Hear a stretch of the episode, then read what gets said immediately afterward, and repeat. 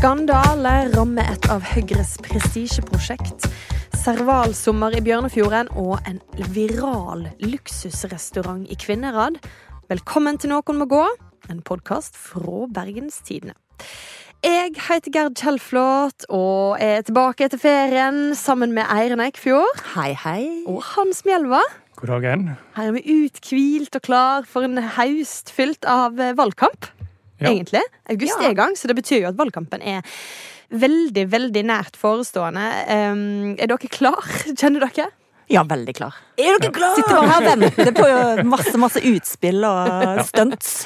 Ja, er vi veldig klar. Jeg har vært på ferie i tre uker og skikkelig klar for å um, gjøre noe annet enn å ligge og dra med. Ja, uff, det er Og tenk at du er lei av det. Ja. Det går an Så- Du har til og med vært i varmen. Du har vært i varme strøk, ja. i motsetning til oss andre. Ja, Badestrand er kjekt ei stund.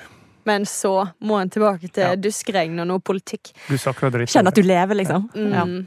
Men altså, det er Ting er ikke helt kommet i gang ennå, men vi tenkte vi skulle gi alle dere som hører på, en liten sånn kalender-update. Eh, for det er klart at Noen må gå skal jo være deres venn gjennom denne valgkampen, uten tvil. Og i tillegg til de faste episodene og helt sikkert en god del spesialer som vi kommer til å lage også, så skal vi jo selvsagt ut til folket. Blant annet 30. august. Da blir det liveshow med Noen må gå. Mm. På Kulturhuset i Bergen, og vi skal ha besøk av eh, ordfører Linn Kristin Engø og ordførerutfordrer Marit Warnke.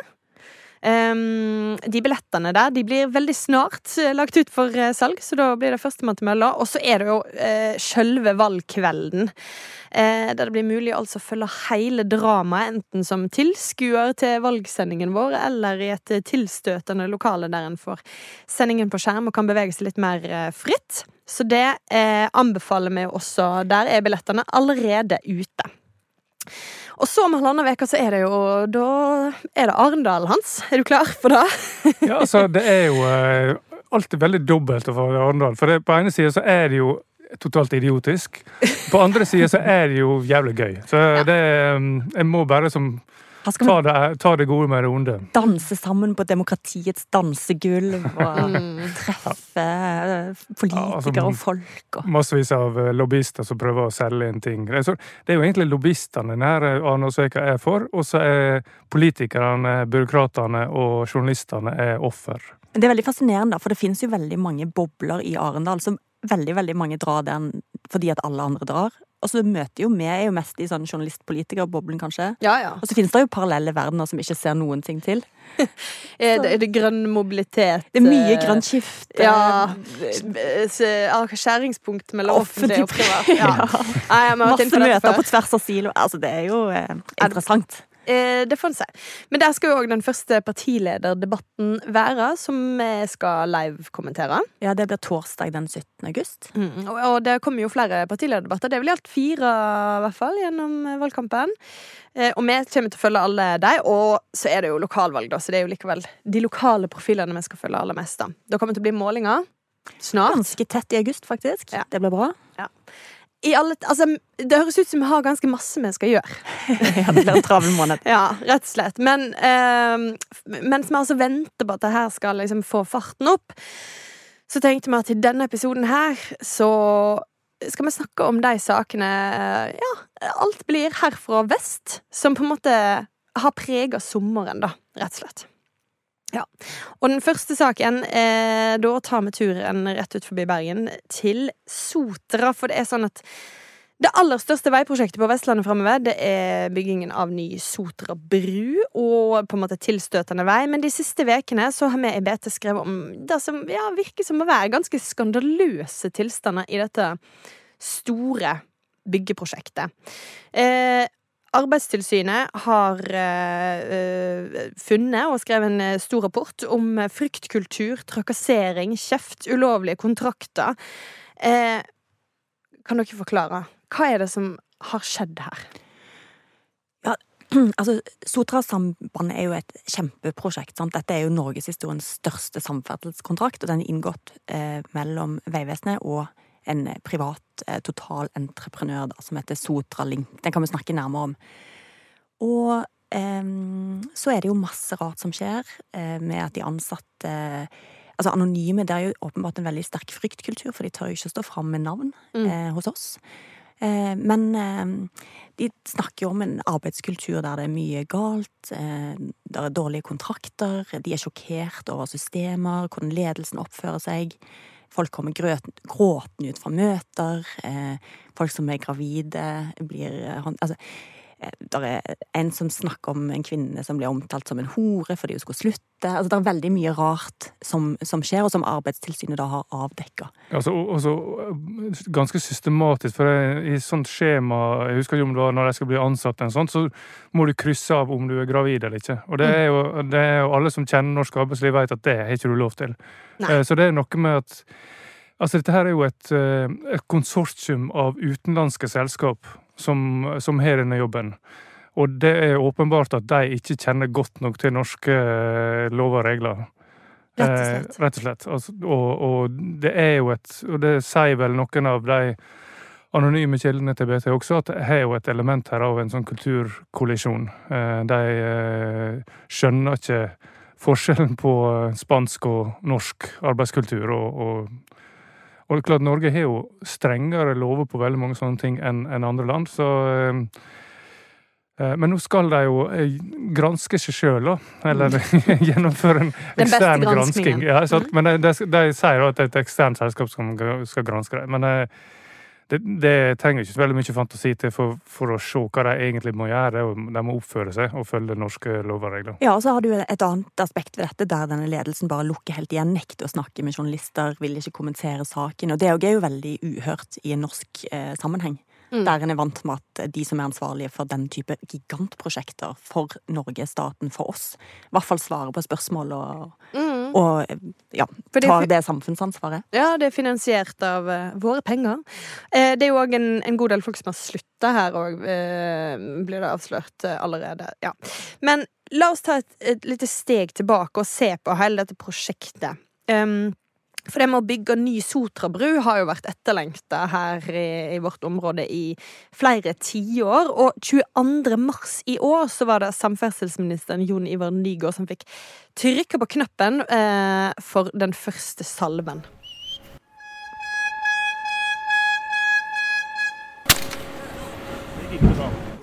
Ja, er du fornøyd som skytebass? Ja, det er ikke første gang jeg gjør det, men det er spennende. Dette er en historisk dag. Dette har vært jobbet med i 25 år av mange politikere, både regionalt og lokalt. Det er fantastisk. Kan vi bare anerkjenne at den salva den var ganske Avfislete. Ja, litt lite imponerende. Høres ut som en sånn luftpistol. Han var, Det var mer futt i han karen som kom etterpå. Tom Georg Indrevik, ordfører. Eh, du skulle tro han bare kunne snakka fjellet løst. han bare sto og ropte der litt. Absolutt. Em, han er jo en av de som er er fryktelig glad, som vi hørte her. Han har lengta lengtet etter dette lenge, og det er jo ikke så rart, fordi vi skal anerkjenne at Sotrabrød er en flaskehals i, i området rundt Bergen. Ja, altså det er jo, det, Sotra er jo ei øy med ganske stor uh, tilflytting. Ja. Uh, det er jo en sånn pendler For de som ikke kjenner Bergen så godt, så er det jo et slags sånn pendlerøy Ja. utenfor Bergen. Og den, der er ei bru med to felt. Altså Ja, der står kø. Altså, hvis du tenker. Sotra her, så tenker du kø. Ja. Det er på en måte den første assosiasjonen en får. Ja. Så jeg, de, alt uh, unner de virkelig litt bedre ja. enn ute der. De må ha noe annet. Men eh, dette prosjektet har jo eh, vært planlagt lenge og vokst seg større og større. Og, og nå er det altså snakk om eh, kontrakten eh, som til slutt eh, ble inngått, er på 23 milliarder kroner eller noe sånt. Eh, det er snakk om å lage altså, en ny firefelts bru og eh, 9,4 kilometer vei, for å være ganske nøyaktig. Og det er altså det største OPS-prosjektet noensinne, og da utløser jo spørsmålet hva er OPS? Jeg ser på deg, Hans. Du er jo mann, du kan dette med samferdsel. Ja, altså det, det står jo for offentlig-privat samarbeid. Eh, og det betyr jo det at det er det offentlige som, som betaler. Eller det vil si, her er det jo jeg tror det er 70% bompenger, så bilistene og det offentlige betaler. Eh, og så eh, gir de oppdraget til et privat eh, selskap, i dette tilfellet et konsortium av flere selskap. Eh, selskapet som har fått oppdraget, er altså 70% eid av en australsk investeringsbank. Okay. Så, og, og eh, ellers er det italienere og, eh, og ja, hvor det kommer fra. Spansk, sveitsisk, Er det derfor liksom, du kommer til Cayman Island hvis du ringer dem, liksom, og bare Ja, ingen tar telefonen? Er Austral australiere, sørkoreanere og italienere som eier prosjektet, og så har du et driftsselskap. Men, det, men OPS er jo Det som er fordelen med OPS, er jo at du, du får en fast pris. Eh, og da tar de på seg å både bygge ut og å drifte dette her, i dette tilfellet i 25 år framover. Ja. Så prisen på 23 milliarder den inkluderer både bygginga, som er 12 milliarder, men også da drift og vedlikehold eh, og rentekostnader i 25 år. Og eh, det vil jo ikke overraske noen da at dette er en idé som høyreregjeringen Høyre-regjeringen har kommet opp med, eller hva? Om det er! ja. Ja, men det har jo vært et prestisjeprosjekt på Høyre, dette med å, å bruke disse OPS-kontraktene.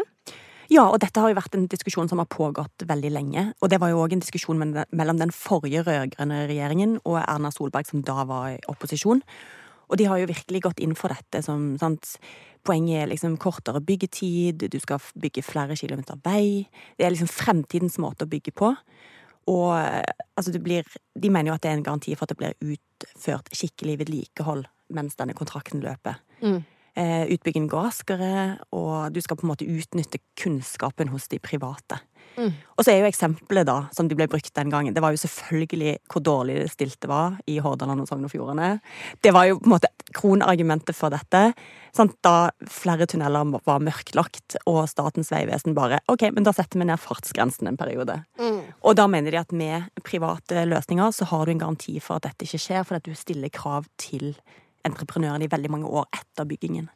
Og- og så har, men, men internasjonalt har jo dette her vært kontroversielt. Det er ikke bare i Norge, men du hadde jo for eksempel, hvis jeg ikke husker feil, så var jo den, eh, den motorveibrua som raste sammen i Milano, var ikke det? For i fjor. Et par år siden. Ja, jeg tror. Genova. Ja. var? Ja, Okay. Italia, whatever! Whatever. Utlandet. Eh, Men den var jo så vidt jeg husker eid av et eh, Eller ekt og drevet av et privat selskap. Ja, det ser jeg. Eh, og Nå ga du alle på Sotra en skikkelig regelfrykt. ja, nei, men så, det er ikke sånn at Det er jo ikke nødvendigvis uh, normalen, men, men der er jo en sånn altså, De fra venstresida som er kritiske til dette, her, vil jo kunne peke på at her legger du liksom ansvaret for en vei over i et privat selskap. Og det private selskapet som skal drifte dette, her, det er fra, eid av et ungarsk selskap som driver med sånt. Ja, nå har du veldig mange nasjonaliteter inn i dette. Slik at disse her selskapene som bygger ut, de er ferdige når de er ferdige å bygge ut. Og så kommer et nytt selskap, et ungarsk selskap som heter Intertoll, som lager et norsk datterselskap, Intertoll Norge, som skal da stå for driftinga av dette her i 25 år. Nemlig. Altså, og, og, og det her skjedde jo fordi dette var et så gigantisk prosjekt. Det var, det var jo vanskelig å finne eh, selskaper som hadde mulighet til å ta dette på seg i det hele tatt. Det var ingen norske selskaper med i konkurransen i det hele tatt, syns jeg å huske. Men eh, nå spørs det jo da om venstresida, som du snakker om, kanskje får et nytt eh, talepunkt mot denne typen samarbeid. For det, det er i hvert fall mitt neste spørsmål. For nå har vi altså denne eh, arbeidslivsskandalen, eh, som det ser ut til å være. Altså eh, dårlige, eh, dette dårlige arbeidsmiljøet der ute. Går det an å knytte på en måte dette at det er et eh, OPS-prosjekt til at dette her skjer? Eh, hvis, du, hvis du ikke forstår hva jeg spør om her. Altså For Trygve Slagsvold Vedum så blir det jo veldig lett eh, fiendebilde utlandet, som Hansen har skissert. Altså sant, Da kommer eksterne krefter som vi ikke har kontroll på, Ja. og skal løse våre liksom, statlige problemer. da. Og selvfølgelig, Det er jo kjempekomplisert. Og de har jo egentlig gode argumenter mot, for det er jo ikke Ok, der er fordeler med dette, som er kanskje økonomiske, som er at du utnytter private sin kunnskap osv. Men det stiller jo ekstremt høye krav til de som bestiller prosjektet, leverandørene, kontraktene. Du må regulere veldig mye ukjente faktorer langt inn i fremtiden. Du må vite at de du eh, ansetter for å løse dette, eh, kan stå i det en så lang periode. De må være skikkelige, de må ta et samfunnsansvar, de må Ja, det- skjønne hva de egentlig har gått med på. Ja, og så er det dette med kulturforskjellene som vi var inne på her, da. At norsk arbeidsmiljølov er én ting, og den er ikke alle valgt vant med å følge. Men, men jeg tror at altså, hvis ikke det blir avdekka noe mer enn det som er blitt avdekka nå, så jeg tror ikke denne skandalen her er stor nok til å, til å undergrave OPS som, som prinsipp. Så jeg tenker at det, Hvis de rydder opp her, og det får ordna forhold, og sånn, så tenker jeg at dette her vil eh, gå over. Jeg, tror, jeg har ikke registrert noe så veldig politisk spill her heller fra venstresida på denne saka. Eh, Så jeg, jeg tror foreløpig, hvis ikke det kommer noe mer, så tror jeg ikke dette her er stort nok til å, til å, å undergrave ideen om OPS. Men, men klart, dagens regjering vil jo ikke ha OPS uansett. Så det er jo et eh, eh, det er jo, eller så vidt jeg veit, da. Jeg vil jo overraske meg hvis jeg kjører noe OPS-selskap. Mm. Um, men også er det jo fordeler her også For at da de Der er jo en garanti her, f.eks. på bompenger og sånt. Uh, I et OPS uh, så er jo bompengene garantert en viss pris. Så det skal uh, De sier det at det skal koste 40 kroner, samme som i dag. hver, hver vei for en personbil med bompengebrikke. Og det er og det skal visstnok da være garantert hele de 25 åra. Eh, Jeg går ut fra at det justerer opp med prisstigning og sånn, men eh, det, Men det, kan, det har du jo ikke en, på, en, på en offentlig vei, for der kan jo bompengene justeres opp og ned. Sånn at det, det finnes noen gulrøtter her for folk flest. Ja, altså, ja, hvis dette her stemmer, så er dette her en Jeg vil jo tro at de fleste syns at det er bra. Mm. Ja.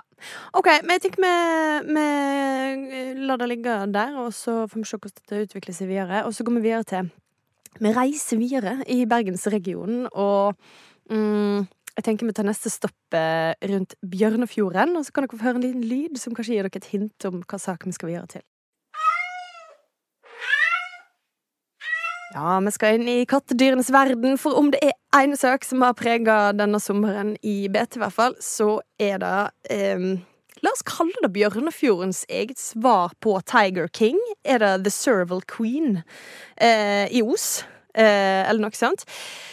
Altså, det var en nydelig junidag at servalen, Ninjo, rømte og begynte å gå langs veiene i Bjørnefjorden eh, tidlig, ja. Og eh, siden den gang så har dette på en måte vært en av sommerens store snakkiser. For denne, det var jo flere som reagerte på dette eh, eksotiske kattedyret som plutselig dukka opp. Tok masse bilder. Og ja, det viste seg at det var en serval. Hvor mye visste dere om servaler før eh, juni, egentlig? Ingenting. Og nå vet jeg faktisk veldig mye. Så det har vært en slags læringsopplevelse. en reise. Ja, det er jo et sånn eh, jungel, en jungelkatt Ja, fra fra Afrika. Ja, Sør-Afrika tror jeg de trives Mhm. eh, særlig godt. Men alle som på en måte ser den, skjønner jo at dette er ikke lovlig eh, å ha hjemme hos seg i Norge. Du skjønner liksom at han er ute av sitt naturlige habitat når han sprader rundt i Bjørnafjorden. Med Ja. sånn, kanskje, Har han sele på seg? Eller i hvert fall så går han med sele, for du må jo holde den under kontroll. Ja. Det, ja. Jeg, jeg har jo heller aldri hørt om seval før. Det er jo, jeg skjønner at det er en s- ganske stor katt. Eh, Den ligner jo litt på gaupa i størrelse, ser det ut men litt slankere enn gaupa. Absolutt. Og så minus de der duskene på, på ørene. Så det var tydelig at det heller ikke var det. Men, men jeg, jeg stusser litt på Bjørnefjorden, altså. Som, som habitat til en sånn For Ja. Jeg jo på Wikipedia at de trives da i eh, tørt og middels fuktig klima. Ja. Ja, Vestlandet. Kan, altså, jeg tenker at jeg vil, Da vil jeg heller satse på eksempel Stange på Hedmark. Altså Se for deg Vedum med to sånne servaler på tunet. Oh, ja. Det høres helt strålende ut. Men det som har skjedd etterpå, grunnen til at dette har blitt en føljetong, er jo at eh, etter at denne servalen ble oppdaga, eh, så er jo det store spørsmålet hva skal skje med den, for det er ikke lov å ha den. Og første reaksjonen til Mattilsynet var vel bare når vi får tak i den, så blir den avliva. Beklager. Eh, for sånn er det når en tar inn ulovlige dyr til dette landet. Eh, så viser det seg vel egentlig at Sør-Afrika vil de ha den tilbake, eller et eller annet sånt. Det har vært snakk om det òg, at den kan bli eksportert, men det er veldig uklart. Og inntil videre, på grunn av dette, så har eieren altså gått i skjul. Eh, hun, som vi vet at det er, det er en kvinne, er på rømmen sammen med Ninjo. Eh, og det er klart altså, det er en slags sånn Bonnie and Clyde. Ja, dette her er eh, Dette er en story, altså. De kjører rundt i Bjørnafjorden i sånn der eh, convertible med sånn skaut. Ja. Uff. Nei, men det er, det er jo rett og slett bare en veldig, veldig spesiell historie. Eh, ja. og det, men det er jo veldig mange spørsmål her, for denne Savalen har hun altså kjøpt fra Russland, har vi fått vite. Og to uker senere så lå han på døren i en vet ikke skoeske eller Altså, det er jo helt vilt at du kan bare importere ville dyr og bare få de på trappen. Ja, det, det, dette Altså- Men det sier jo sitt om hvor, hvor velutvikla forbrukersamfunnet har blitt. da. At du Og kan på- bare bestille en serval, og så får du den på Helt hjemme hjem har blitt veldig effektivt. ja. Russiske søsterselskapet. uh, virkelig. Og, men det her er jo da, vi får understreke, før krigen. For den er jo to år gammel. Jeg vet ikke om servalimport har blitt mindre aktuelt nå etter krigen brøt ut. Er kanskje mer eh, suspekt. Men hva slags serval får du da? Får du sånn morderserval som tar livet av uh, folk? Ja. Undergrev samfunnet Ja, det var innenfra? veldig mye mindre politisk. Ja, en sånn trojansk hest som kom, de kommer, de planter et eller annet Trojansk kjipt på de, ja, og så får de uh, overvåke oss. Ja. eh. Wagner-serval. Ja. Uff. Ja, nei, det her vil vi, det vil vi i hvert fall ikke ha. Uh, men så syns jeg òg jeg må si at jeg synes det er artig at det er nettopp i Bjørnefjorden at denne servalen har uh, slått seg ned. Hvis jeg skal si det. For Bjørnefjorden er jo i dag styrt av eh, Arbeiderpartiet og Trine Lindborg, men den var jo i 20 år før. Eh, da det var Os, da. Eh, så var det jo FrPs Terje Søviknes som var, var kongen der inne. Eh, og han har jo alltid profilert Os som en ja-kommune. Og det er da jeg tenker at hadde det vært mer positivt innstilt til en serval, eh, servalpark, kanskje, eh, i Bjørnefjorden, hvis Søvik Og han, det kan jo godt være at han kommer tilbake til makta eh, denne høsten. Ting tyder jo egentlig på det. Så altså Men det, det, det kunne det jo, altså, for han er jo veldig, som Frp, er veldig opptatt av eldreomsorg. Eh, og de har jo hatt sånn overbygd eh, Har ikke det sånn Jo? Tropehagen på. Lurenetunet! Og der er jo klima til en serval. Og så er det jo bra for eldre å klappe Ja. dyr, sånn at de kunne hatt en sånn serval At de får liksom hvilepuls, og Ja. de demente i Bjørnefjorden kunne sittet og hatt den på fanget. Helt perfekt. Nå snakker vi. Ja. Ja, ja, ja. ja. Det, men det ser du. Det her er Det er kanskje rom for en Joe Exotic uh, Tiger Altså Hvis noen skal være Norges svar på Joe Exotic, så er det jo kanskje Terje. Søviknes. Ok, men, altså, men helt på ekte, da. For noen år siden, til min store skrekk, så ble jo slanger og reptiler lovlig i Norge. Det har jeg fortsatt store problemer med. Ehm, på grunn av egen fobi, da, selvfølgelig. Men, men, og det er jo underlig. De eh, trives jo heller ikke. Elsker jo ikke vann og 13 grader, de heller. Men, men eh, altså De trives best i sånne små akvarium. Ja.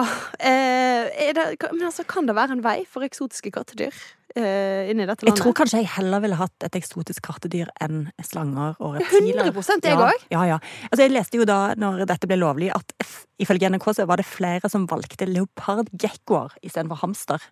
Og det bekymrer meg. Bekymrer meg veldig. Ja. Men Ja. leopard, er det, er, det, er det slekt med den leoparden som det Savalgekko. Kat, Det er den russiske varianten. Er det sånn kjempestor gekko? Nei, men altså, ja. Veldig rask. Ja. Eh, jeg vet ikke. Men Jeg, Kanskje vi er bare i utakt med samtiden vår fordi vi ikke ønsker oss eksotiske dyr i hjemmet. ja, jeg tror kanskje. Muligens er vi det. Ja. Men ok, servalføljetongen er jo ikke Den er ikke over ennå. Eh, det er ikke klart hva som kommer til å skje med den. Eh, den er fortsatt på rømmen eh, fra, fra lovens lange arm. Så det gjenstår Også nå må vi bare konkludere med at det gjenstår å se hvor dette ender. OK. ehm, vi fortsetter rundreisen. Det her er jo som en slags, eh, som en slags evig lang og Vestland. Men nå kommer vi til det som jeg egentlig har tenkt at skal være vår og Vestland eh, denne, eh, denne episoden. Fordi at det er jo vår faste spalte der vi på en måte undersøker liksom ting ved vår, ved vår landsdel. Um, og nå, i dag skal vi se på noe som jeg i hvert fall karakteriserer som et stort brudd. Fordi at vi skal til min heimkommune Kvinnherad. Som jeg jo er vokst opp i, i veldig normale kår, vil jeg eh, si. Um, det er en, ja, en veldig gjennomsnitts sørvestlandsk kommune. Men denne sommeren så har de altså åpna en av de mest luksuriøse restaurantene i dette landet. Langt utpå fjorden, i det som de kaller for Salmon Eye. Lakseauga. Som, når du sier det, så forstår du hvorfor de valgte det engelske ordet, tenker jeg. ja. Ja, for hvem har lyst til å gå inn i et øye som er tatt ut av en laks? Nei. Nei. Men det er altså Men det er veldig stor laks i så fall. det er, veld, det, er, det er vanskelig å beskrive dette byggverket, men det er altså et flytende byggverk langt ute på fjorden. Som jo ser ut som på en måte en slags eh, sånn hub for skurken i James Bond.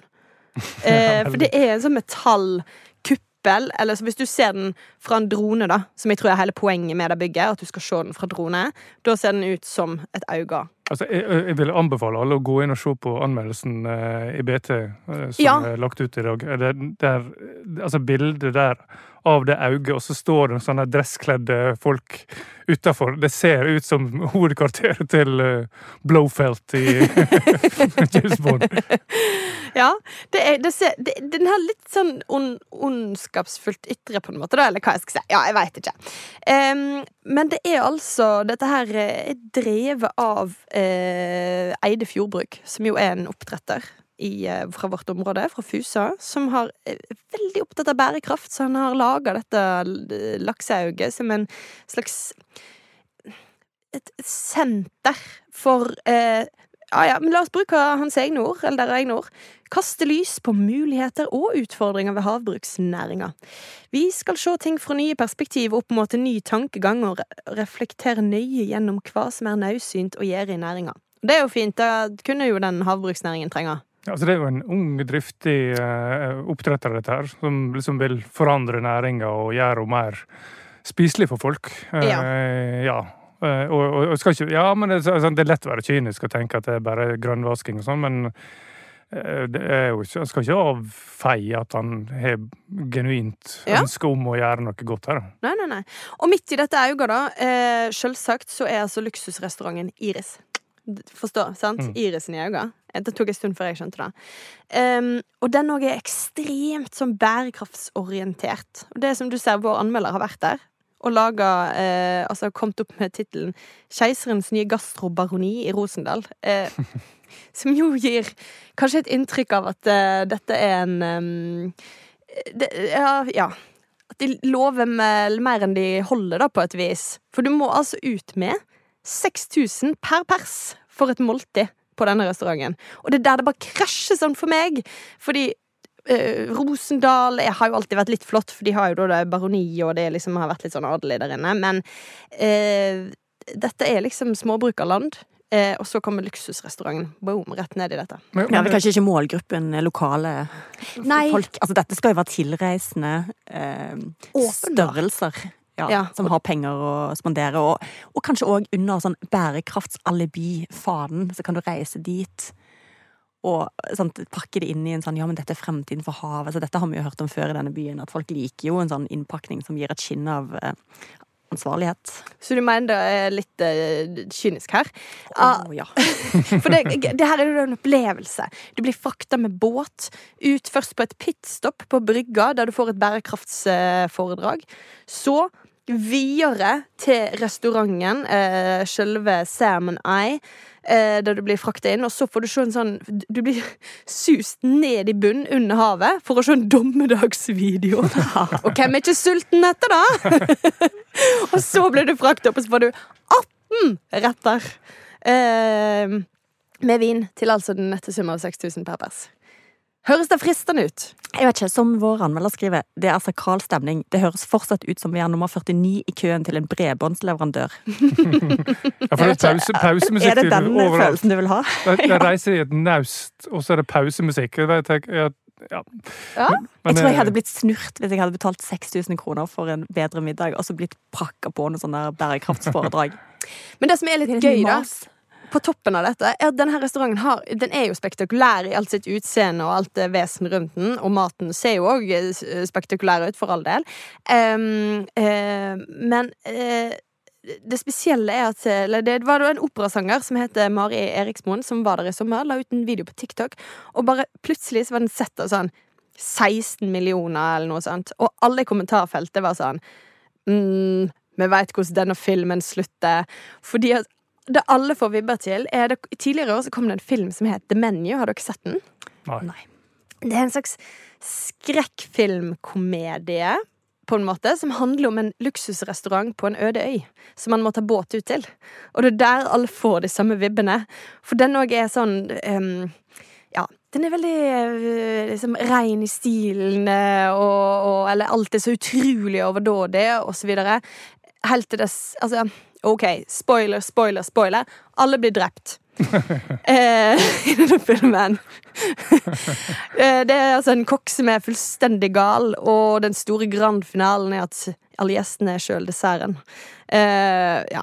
Og det her, det, det er bare det, det grapset som bare juling. Eh, jeg tror kanskje at jeg ville hatt litt problemer med å dra på den her luksusrestauranten i Rosendal etter å ha sett den filmen. Det må jeg helt ærlig innrømme. For du er redd at Madsen, som kokken heter, skal eh, mm, ete det til dessert? Hvem veit? For dette er ubåten Madsen møter liksom eh, Agatha Christie møter Cornelius på Holmen møter Altså, Ja, ja for det, er jo Det er faktisk- det som er veldig gøy, er at plott. eh, han som lagde The Menu, filmen, gjorde altså da, etter å ha vært på som du sier, Cornelius på Holmen. Eh, så Som ligger inspirasjonen Bergen. kan ja, så inspirasjonen kom fra en annen luksusrestaurant her i vest. Eh, Som du også tar båt til for å komme til. og han fikk visstnok helt fnatt når han ble tatt ut dit, og så kom dette plottet til han. Um, ja. Det er litt eh, altså, Hvem veit, hvis han hadde vel vært på, på The Iris i stedet for.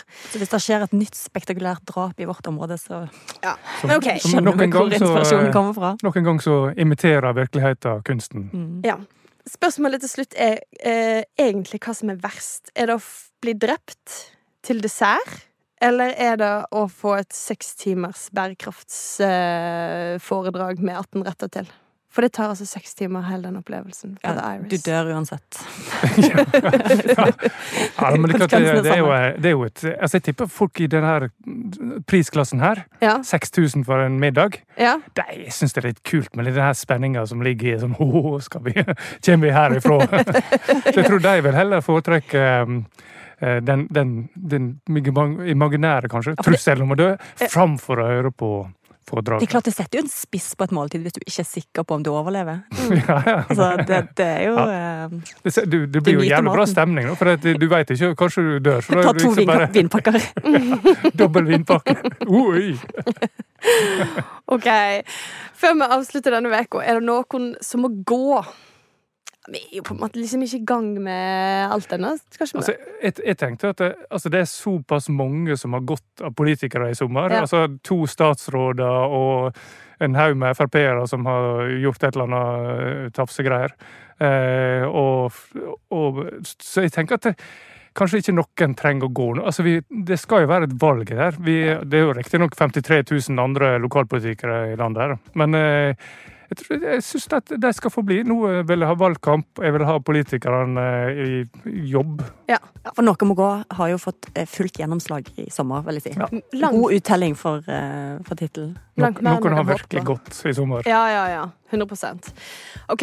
Um, innspill og tilbakemeldinger de sender du til nmg.krøllalfabet.no eller i Facebook-gruppa vår Noen må gå. Og intromusikken det var bergensere av Bjørn Torske. Produsent er Henrik Svanevik. Vi er altså tilbake neste uke, forhåpentligvis med en valgkamp som er begynt å eh, fyre seg opp litt mer. Takk for at du hører på. Ha det godt!